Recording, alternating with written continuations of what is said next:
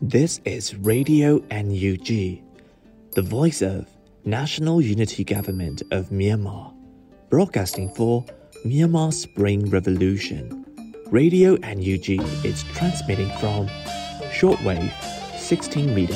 17.71 megahertz at 8 a.m. and 25 meter 11.965 megahertz at 8 p.m. Myanmar Standard Time. မင်္ဂလာပါခင်ဗျာအမျိုးသားညီညွတ်ရေးအစိုးရရဲ့အတန်လွင့်ဌာန Radio NUG ကိုမနက်၈နာရီမှလိုင်းတို16မီတာ7.3 MHz ညပိုင်း၈နာရီမှလိုင်းတို25မီတာ17.665 MHz တို့မှာဓာတ်ရိုက်ဖမ်းယူနားဆင်နိုင်ပါပြီမင်္ဂလာအပေါင်းနဲ့ပြည့်စုံကြပါစေအခုချိန်ကစပြီး Radio NUG အစီအစဉ်တွေကိုဓာတ်ရိုက်အတန်လွှင့်ပေးနေပါပြီ။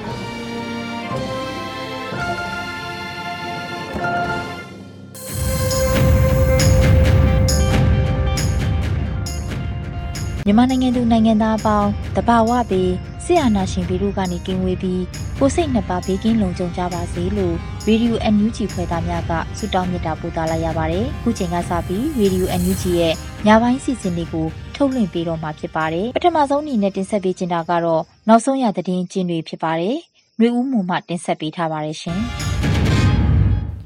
နောက်ဆုံးရသတင်းများကိုတင်ဆက်ပေးသွားမှာဖြစ်ပါတယ်။ ယခုတင်ဆက်မဲ့သတင်းတွေကို Radio NUG သတင်းတာဝန်ခံများနဲ့ခိုင်လုံတဲ့မိဖက်သတင်းရင်းမြစ်များထံမှအခြေခံတင်ပြထားခြင်းပဲဖြစ်ပါတယ်ရှင်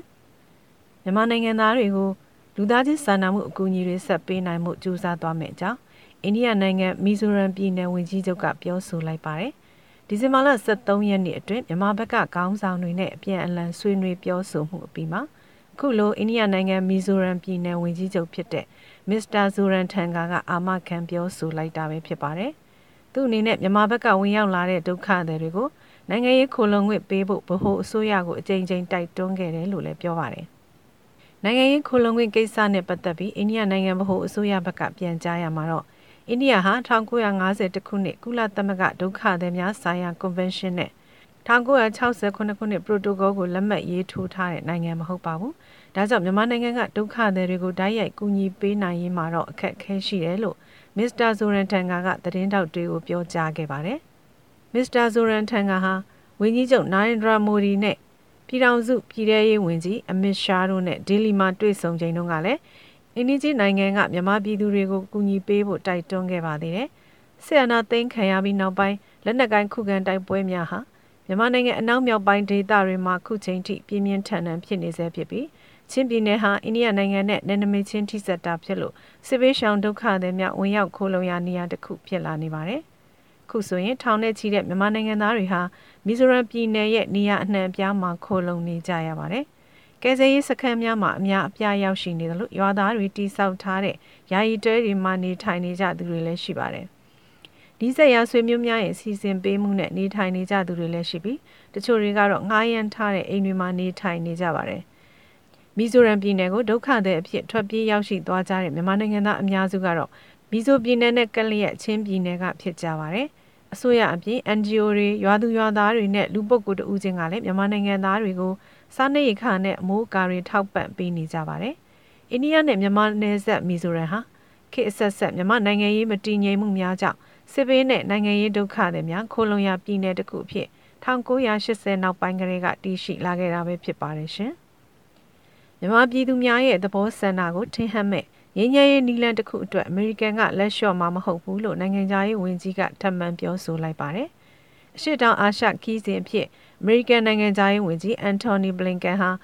ဒီဇင်ဘာလ14ရက်နေ့မှာဂျကာတာကိုရောက်ရှိနေကအခုလိုပြောဆိုလိုက်တာပဲဖြစ်ပါတယ်။ အဓိကမူဝါဒဆိုင်ရာမိန့်ခွန်းတရက်ပြောကြားခဲ့ပြီးမြန်မာအာဏာသိမ်းစစ်ကောင်စီအပေါ်အပြင်းအထန်ပြစ်တင်ဝေဖန်ခဲ့ပါတယ်။အဆိုပါမူဝါဒမိန့်ခွန်းထဲမှာအမေရိကန်ဝန်ကြီးပြောတာက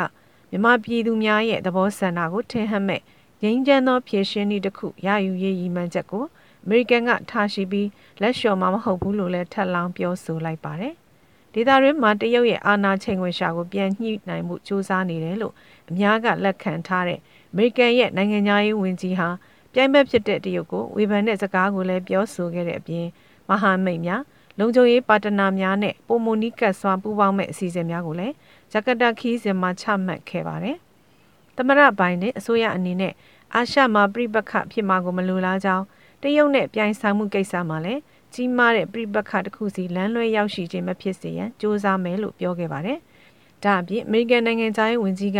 Quad အာဆီယံတို့အပြင်အခြားသောပူးပေါင်းဆောင်ရွက်မှုသဘောတူညီချက်များရရှိဖို့အရေးပါမှုကိုလည်းအလေးပေးပြောဆိုသွားခဲ့ပါတယ်။မြမအရေးဦးစားပေးအစီအစဉ်ဖြစ်တဲ့အမေရိကန်နိုင်ငံသားရေးဝန်ကြီးရဲ့ခီးစဉ်ဟာဆက်လက်ပြီးထိုင်းနိုင်ငံနဲ့မလေးရှားနိုင်ငံတို့ကိုရောက်ရှိအောင်မှာပဲဖြစ်ပါတယ်ရှင်။ဆက်လက်ပြီးဒီဇင်ဘာလ15ရက်နေ့မနက်ခင်းနဲ့နေ့လယ်ခင်းတွေမှာတင်ဆက်ခဲ့တဲ့သတင်းကောင်းစီတွေကိုပြန်လည်ဖတ်ကြားပေးပါမယ်။သတင်းကောင်းစီတွေကတော့ လေးကီကောမြို့သစ်အိမ်ယာများအားအာနာသိန်းစစ်တပ်မှဝင်ရောက်စီးနင်းဖမ်းဆီးမှုများပြုလုပ်ခဲ့တဲ့တဲ့။ဖဲခုံမြို့မှာလူသားတိုင်းကအဖြစ်ဖမ်းဆီးခံရသူ19ဦးတောင်ကြီးရဲစခန်းတွင်ထိန်းချုပ်ခံထားရတဲ့တဲ့။အာနာရှင်စက်ကြီးအတွက်လက်နက်ထုတ်လုပ်ရေးအဖွဲ့ MTT Production ကအဝေးပစ်လက်နက်တွေထုတ်လုပ်လာနိုင်ပြီဆိုတဲ့တဲ့။ Silence Right နေ့မှာစစ်ကောင်စီဖမ်းသွားတဲ့ဓပုံသတင်းတောက်တအူဟာစစ်ကြောရေးမှာအသက်ခံလိုက်ရကြောင်းတဲ့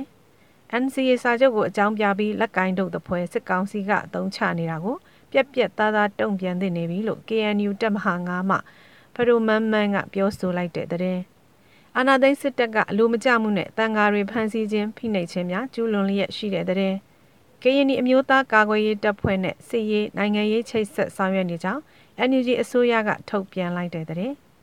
G7 နိုင်ငံသားရေးဝန်ကြီးများအစည်းအဝေးမှာစစ်ကောင်စီဝန်ကြီးကိုအ တိအမှတ်မပြုဘဲခြံလက်ခဲ့တဲ့တဲ့အာနာသိန်းကောင်ဆောင်မင်းအောင်လိုင်းအားနိုင်ငံတကာရာဇဝတ်ခုံရုံးမှအေးအေးယူနိုင်ရန်တိုင်ကြားလိုက်တဲ့တဲ့စသည်တို့ပဲဖြစ်ပါတယ်ရှင်ကျမຫນွေဦးမော်ပါရေဒီယိုအန်ယူဂျီမှာဆက်လက်တင်ပြနေပါတယ်အခုတစ်ခါမှာတော့ထိတ်နင်းရဲ့ငါတို့မှငါတို့ရှိတယ်ဆိုတဲ့စောင်းမအပိုင်း6ကိုတင်ဆက်ပေးတော့မှာဖြစ်ပါတယ်ရှင်။ ကိုမရွေးပဲရွေးလိုက်ရပြီလေ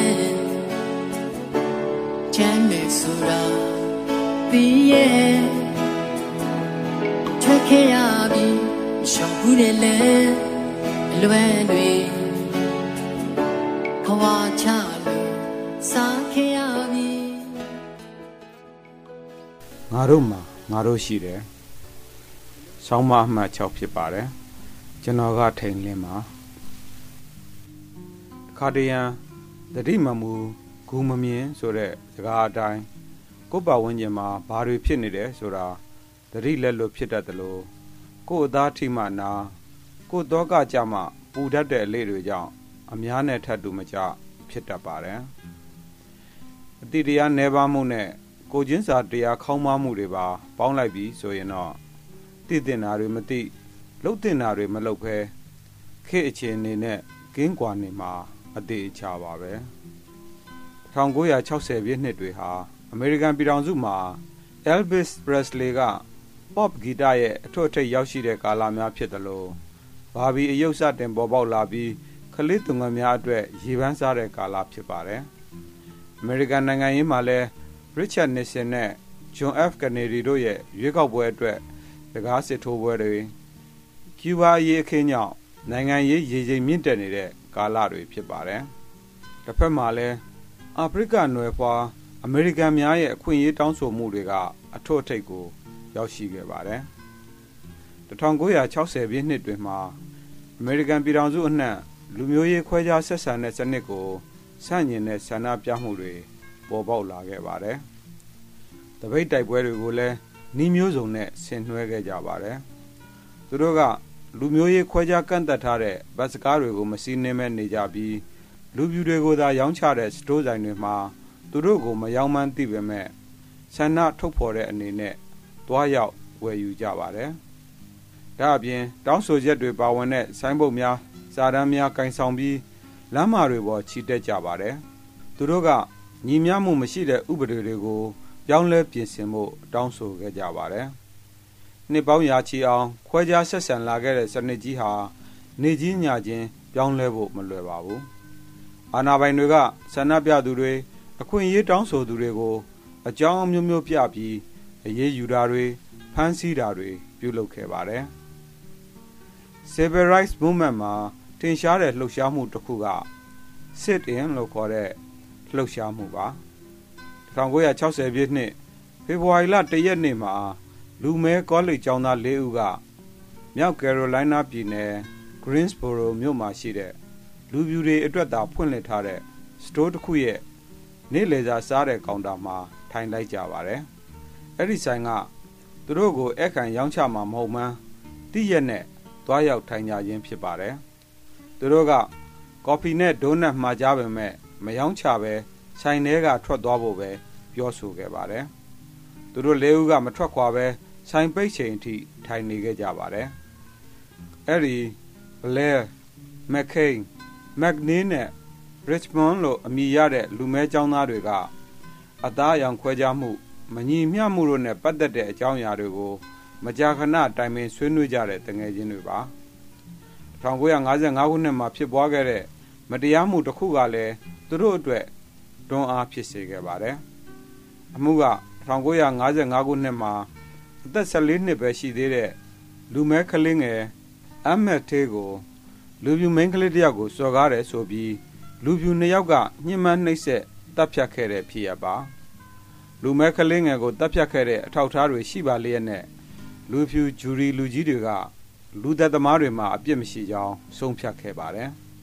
ဒီလိုဖြစ်ရတွေကြောင့်ဒန်းလူအခွင့်အရေးရဖို့သူတို့ကကြိုးပမ်းကြတာဖြစ်ပါတယ်သူတို့လှုပ်ဆောင်တဲ့ထိုင်တပိတ်သဘောမျိုး ဆန္ဒပြခြင်းကို sit in လို့ခေါ်ပြီးသူတို့လေးဦးကို Greensboro 4လို့အမည်ပေးခဲ့ကြပါတယ်။နောက်ရက်မှာလဲသူတို့လေးဦးကတခြားចောင်းသားတွေနဲ့အတူအဲ့ဒီဆိုင်ရဲ့နေ့လည်စာကောင်တာကိုတွားရောက်ပြီးအစားအသောက်တွေမှာပါတယ်။ထုံးစံတိုင်းသူတို့ကိုမရောက်တဲ့အတွက်ဆိုင်ပိတ်ချိန်အထိထိုင်ကြပြန်ပါတယ်။တတိယနေ့မှာတော့ចောင်းသားတွေပိုများလာပြီးနေ့လည်စာကောင်တာမှာရှိတဲ့ ထိုင်ကုန်တော်တော်များများမှာ နေရာယူထိုင်ခဲ့ကြပါတယ်။တချို့ကျောင်းသားတွေကအနီးနားကတခြားဆိုင်တွေကိုလည်းတွားရောက်ပြီးအလားတူလှုပ်ရှားမှုတွေလုပ်ခဲ့ကြပါတယ်။လေးရက်မြောက်နေ့မှာသူတို့လှုပ်ရှားမှုထဲလူဖြူကျောင်းသူ၃ဦးပါဝင်လာခဲ့ပြီး၅ရက်မြောက်မှာတော့ဆန္ဒပြကျောင်းသားအယောက်300လောက်အထိဖြစ်လာခဲ့ပါတယ်။ဒီလိုအင်အားများလာချိန်မှာလူဖြူများရဲ့အနိုင်ကျင့်မှုတွေပေါ်ပေါက်လာပါတယ်။ ဆိုင်ထဲမှာရှိတဲ့လူဖြူတွေကလောင်ပြောင်တာရိုင်းရိုင်းဆိုင်ဆိုင်ပြောဆိုတာအနိုင်ကျင့်တာတွေလုပ်ကြပါတယ်။တချို့ကဆန္ဒပြထိုင်နေကြသူတွေရဲ့အပေါ်အစားအသောက်တွေဖြောရည်တွေလောင်းချတာလုပ်ကြပါတယ်။ဆန္ဒပြလူမဲចောင်းသားတယောက်ရဲ့ကိုအင်းညီကိုမိရှို့တာမျိုးတောင်ကြုံခဲ့ရပါတယ်။ចောင်းသားတွေကအကြမ်းမဖက်တဲ့နီးနဲ့ဆန္ဒပြကြတာဖြစ်လို့သူတို့ကိုအနိုင်ကျင့်တာတွေကို တုံ့ပြန်ရန်ပြုတာတွေမလုပ်ကြပါဘူး။ဒါပေမဲ့သတင်းဌာနတွေကဒီသတင်းတွေကိုအလေးထားဖော်ပြခဲ့တာကြောင့်တခြားသောရက်ဒေသတွေကပါသိရှိသွားပါတော့တယ်။အဲဒီနောက်ဒီလိုဆန္ဒပြမှုမျိုးတိုင်းပြည်အတွင်းကမြို့ပေါင်း100ကျော်မှာပေါ်ပေါက်လာခဲ့ပါတယ်။အတလန်တာမြို့မှာလည်းမာတင်လူသာကင်းရဲ့အဖွဲ့ကစစ်အင်လှုပ်ရှားမှုလှုပ်ဆောင်ခဲ့ကြပြီးအာဏာပိုင်တွေရဲ့ဖမ်းဆီးခြင်းကိုခံခဲ့ရပါတယ်။ ဒီလိုလှုပ်ရှားမှုတွေကြောင့်တလကျော်လောက်ကြာတဲ့အခါလူပြူတွေအတွက်သာရောင်းချခဲ့တဲ့တချို့နေလေစာရောင်းတဲ့နေရာတွေက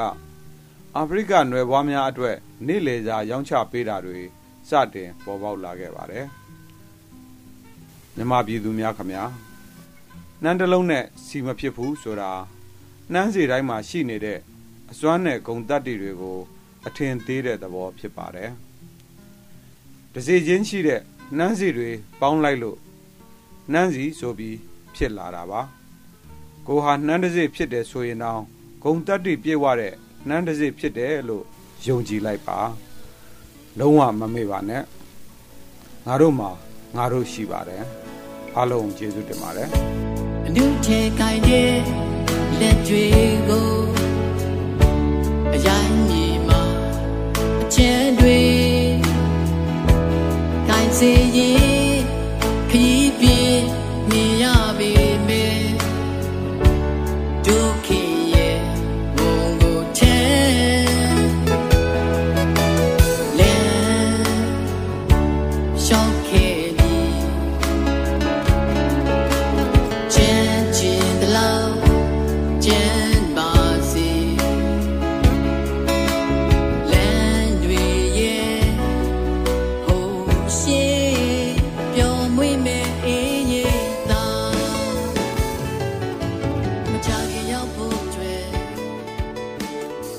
တွေသွေးတွေညင်ရတယ်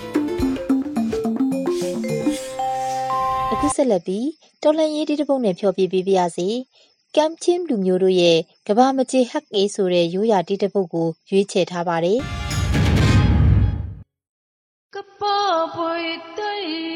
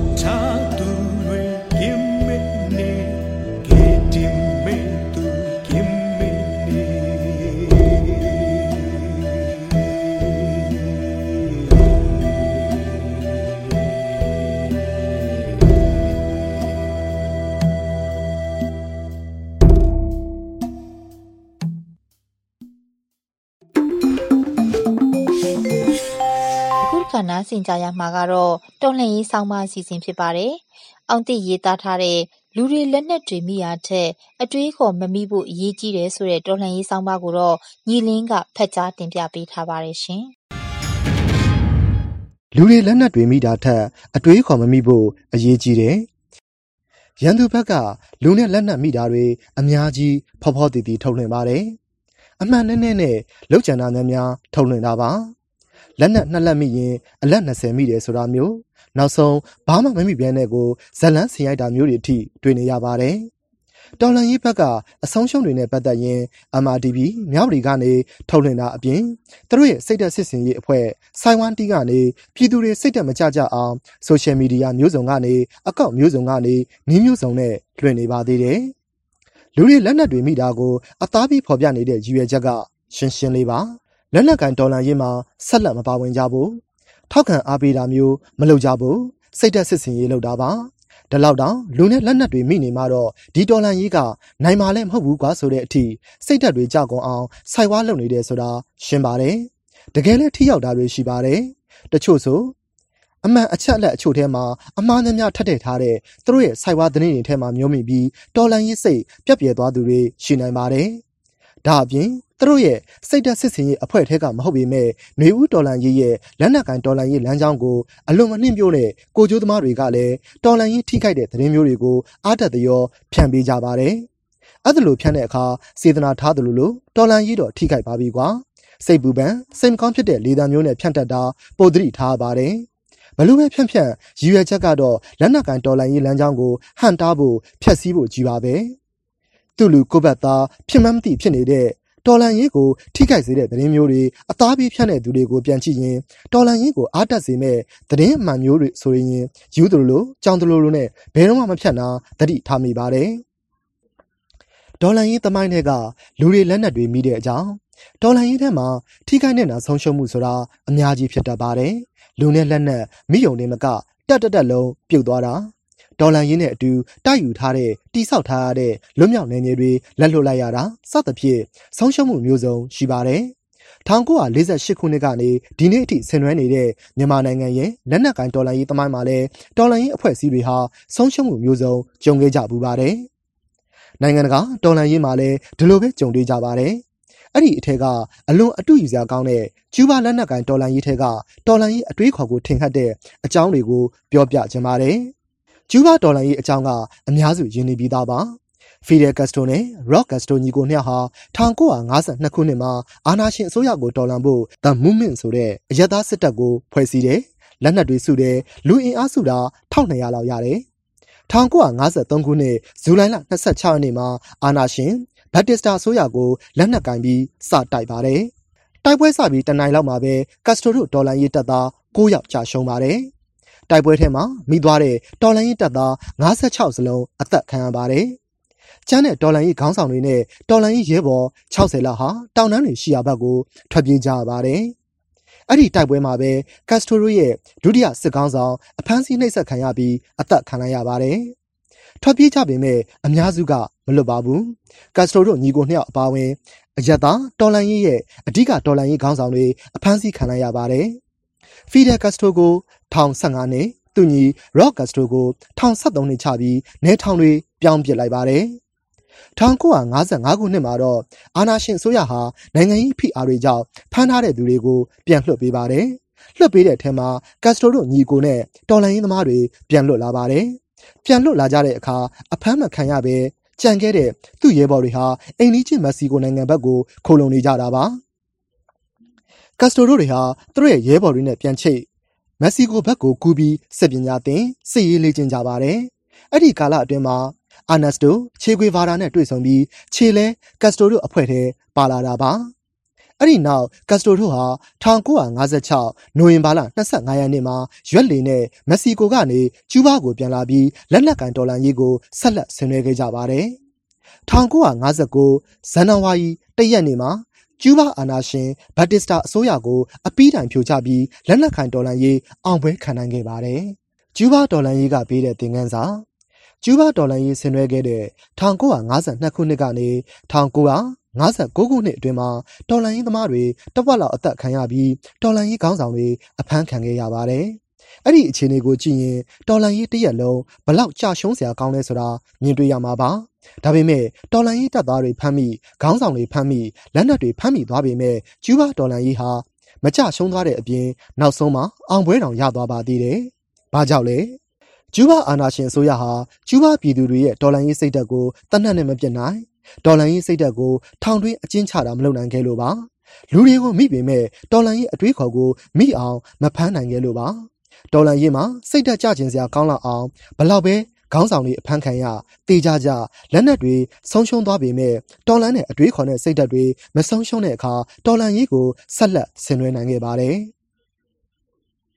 ဒါကြောင့်ကျူးဘာတော်လန်ရေးကနေရတဲ့သင်ခန်းစာကခေါင်းဆောင်တွေလူတွေလက်နက်တွေဘလောက်ပဲမိပါစေတော်လန်တဲ့အတွေးခေါ်မမိသွားဖို့အရေးကြီးတယ်ဆိုတာပါပဲတော်လန်တဲ့အတွေးခေါ်မမိအောင်ကာကွယ်ရေး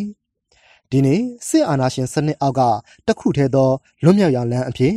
လက်နက်ကင်လန်းစင်ဟာຫນွေဦးတော်လန်ရေးရဲ့အဓိကတိုက်ပွဲပုံသဏ္ဍာန်ဖြစ်တယ်ဆိုတာလက်တွေ့အခြေအနေတွေကအဖြေထုတ်ပေးလိုက်ပါပြီ။ဒါကိုပြည်သူလူထုတရက်လုံးကလည်းသိရှိပြီးဖြစ်တယ်လို့မျိုးဆက်အသီးသီးဟာຫນွေဦးတော်လန်ရေးလက်နက်ကင်လုပ်ငန်းလက်တွေ့ထဲမှာကာယကံဝစီကံမနောကံကံသုံးပါးစလုံးနဲ့တက်နိုင်တဲ့ပုံစံနဲ့ပါဝင်နေကြထောက်ခံအားပေးနေကြပါတယ်။ရန်သူဘက်ကလက်နက်ကင်တော်လန်နဲ့အတွေးခေါ်ကြရှုံးအောင်နီးမျိုးစုံနဲ့ပြန်လှုပ်နေပါတယ်။ အဲ့ဒါလိုလုပ်တဲ့အထက်မှာတော်လန်ကြီးကြရှုံးစေဖို့အမြင့်အယူဆမျိုးစုံနဲ့လည်းထိုးနှက်ပါတယ်။လက်တွေတော်လန်ကြီးထဲမှာလည်းတော်လန်ကြီးအတွေးခေါ်ကိုထိခိုက်စေတဲ့လမ်းကြောင်းလွဲသားစေမဲ့အကြောင်းအရာတွေရှိပါတယ်။အဲ့ဒီအကြောင်းအရာတွေကိုကြည့်ရင်အခုလိုတွေ့ရပါတယ်။ဒီလောက်ခိုင်မာတဲ့အဖွဲ့အစည်း institution ဖြစ်တဲ့စစ်တပ်ကိုဘာဖြစ်လို့သွားတိုက်မှာလဲ။သွားတိုက်ရင်လည်းရှုံးမှာပဲဘယ်တော့မှမနိုင်နိုင်ဘူး။လက်နက်ကင်တော်လန်ရင်းနဲ့နိုင်ရင်လည်းအာနာရှင်စနစ်ပြန်ဖြစ်မှာပဲ။ ဒါကြောင့်အကြမ်းမဖက်နီး non violent way နဲ့စစ်အာဏာရှင်စနစ်ကိုတဖြည်းဖြည်းဖယ်ရှားရမယ်။နိုင်ငံရေးအရတွေးဆောင်ဆွေးနွေးရေးနည်းနဲ့အပြေရှားကြပါ။ဒေါ်ဆန်းစုကြည်ကိုအာဏာပြန်အပ်လိုက်ရင်ပြဿနာအလုံးပြေလည်သွားလိမ့်မယ်။ဒါဟာအနည်းနဲ့အစိမ်းအာဏာလူတွေပွဲမှုဝင်ပါစရာမလိုဘူး။စစ်တပ်ကတစ်နှစ်အတွင်းရွေးကောက်ပွဲပြန်လုပ်ပေးမယ်ပြောတယ်။စောက်ကြည့်ပါအောင်လား။လူတွေလက်နက်တွေဒီလောက်မိနေမှတော့ဒီတော်လန်ရေးကြာရှုံးပါပြီ။ ကို့အချင်းချင်းကွဲနေမှတော့ဒီတော်လန်ရေးအောင်မြင်စရာအကြောင်းမရှိတော့ဘူး။နိုင်ငံတကာအကူအညီဆိုတာလဲဟောက်တိပတ်တိမရနိုင်မှတော့ဘယ်လိုလုပ်အောင်မြင်ပါလဲ။အစရှိလို့အမြင်အယူဆမျိုးမျိုးအတန်အမျိုးမျိုးရှိပါတယ်။ဒီထက်မကလည်းရှိနိုင်ရှေ့မှာလည်းလက်နက်ကန်တော်လန်ရေးလမ်းစဉ်ကိုထိခိုက်စေမဲ့အတန်တွေအယူအဆတွေထပ်ပေါ်လာနိုင်သေးတယ်။ပေါ်လာတဲ့အမြင်အယူဆအတန်တွေကိုစမ်းစစ်ရမှာကဒီအယူဆ ဒီအတန်တွေဟာစစ်အာဏာရှင်စနစ်အောက်ကတခုတည်းသောလွတ်မြောက်လမ်းဖြစ်တဲ့လက်နက်ကန်တော်လန်ရေးလမ်းစဉ်ကိုအနောက်အရှက်အဟန့်တားဖြစ်စေသလားလမ်းကြောင်းလွဲသားစေသလားဆိုတာပါပဲအဲ့လိုအဟန့်တားဖြစ်စေမဲ့လမ်းကြောင်းလွဲသွားစေမဲ့အမြင်အယူဆအတန်တွေဟာတော်လှန်တဲ့အတွေးခေါ်ကိုအမိဖမ်းဖို့ကြိုးစားနေတာလို့သိမြင်ဖို့လိုပါတယ်ကျူးဘာတော်လှန်ရေးကရတဲ့သင်ခန်းစာ မြမပြည်ရင်းစစ်တလျှောက်လုံးရက်တည်နေခဲ့ကြတဲ့တော်လန်ရေးလက်နက်ကိုင်အင်အားစုရဲ့တမိုင်းအတွေ့အကြုံရလူတွေလက်နက်တွေဘလောက်ပဲဆုံးရှုံးပါစေတော်လန်ရေးကကြာရှုံးသွားတယ်ဆိုတာမရှိပါဘူးတော်လန်နဲ့အတွေးခေါ်လမ်းချော်သွားမှသာတော်လန်ရေးကကြာရှုံးနိုင်တာပါတကယ်တော့လူသမိုင်းဖြစ်ပေါ်တိုးတက်မှုသဘောတရားအရကြည့်ရင်တော်လန်ရေးဆိုတာဘယ်တော့မှကြာရှုံးနေဆိုတာမရှိပါဘူးတီးခြားပြောရမှာမို့ဒီမှာအကျယ်ချက်မပြောတော့ပါဘူးဒေါ်လာနဲ့အတွေးခေါ်ရှင်သန်နေသမျှ လူတွေလက်နက်တွေဆိုတာထပ်ထပ်ပေါ်လာပါလိမ့်မယ်အပင်ပြန်ပေါက်လာပါလိမ့်မယ်ဒါကြောင့်အရေးကြီးတာကတော်လန်တဲ့အတွေးခေါ်ကို ထိခိုက်စေမဲ့အမြင်အယူဆအတန်တွေကိုသတိထားခုခံကာကွယ်ဆန့်ကျင်ကြဖို့သာလိုအပ်ကြောင်းပါအောင်သစ်9ရက်9လ2021မတရားမှုကိုစန့်ကျင်သောရေဥပံများပွင့်လန်းသည်ပြည်သူ အာဏာပြည်သူများတရားရှိဖို့လိုအပ်သည်ပြည်သူနဲ့ပြည်သူကြားကပေါင်းကူတရားတစ်စင်ဖြစ်ဖို့ရည်ပြည်သူစီခွန်အားပေးကူညီ Radio NG ဒီကနေ့ကတော့ဒီညနဲ့ပဲ Radio NUG ရဲ့အစီအစဉ်တွေကိုခਿੱတရနာလိုက်ပါမယ်မြန်မာစံတော်ချိန်မနက်၈နာရီနဲ့ ညနေ၈နာရီအချိန်တွေမှာပြန်လည်ဆုံတွေ့ကြပါစို့ Radio NUG ကိုမနက်၈နာရီမှာလိုင်းတို16မီတာ7.3 MHz ညပိုင်း၈နာရီမှာလိုင်းတို25မီတာ17.665 MHz တို့မှာဓာတ်ရိုက်ဖမ်းယူနားဆင်နိုင်ပါပြီမြန်မာနိုင်ငံသူနိုင်ငံသားများကိုစိတ်နှပြကျန်းမာချမ်းသာလို့ဘေးကင်းလုံခြုံကြပါစေလို့ Radio NUG အဖွဲ့သူအဖွဲ့သားများကဆုတောင်းလိုက်ရပါတယ်။အမျိုးသားညီညွတ်ရေးအစိုးရရဲ့စက်သွယ်ရေး တရင်အချက်အလက်နဲ့ဤပညာဝန်ကြီးဌာနကထုတ်လွှင့်နေတဲ့ Radio NUG ဖြစ်ပါတယ်။ San Francisco Bay Area အခြေစိုက်မြန်မာမိသားစုများနဲ့နိုင်ငံတကာကစေတနာရှင်များလှူအားပေးများရဲ့ Radio NUG ဖြစ်ပါတယ်။အရေးတော်ပုံအောင်ရမည်။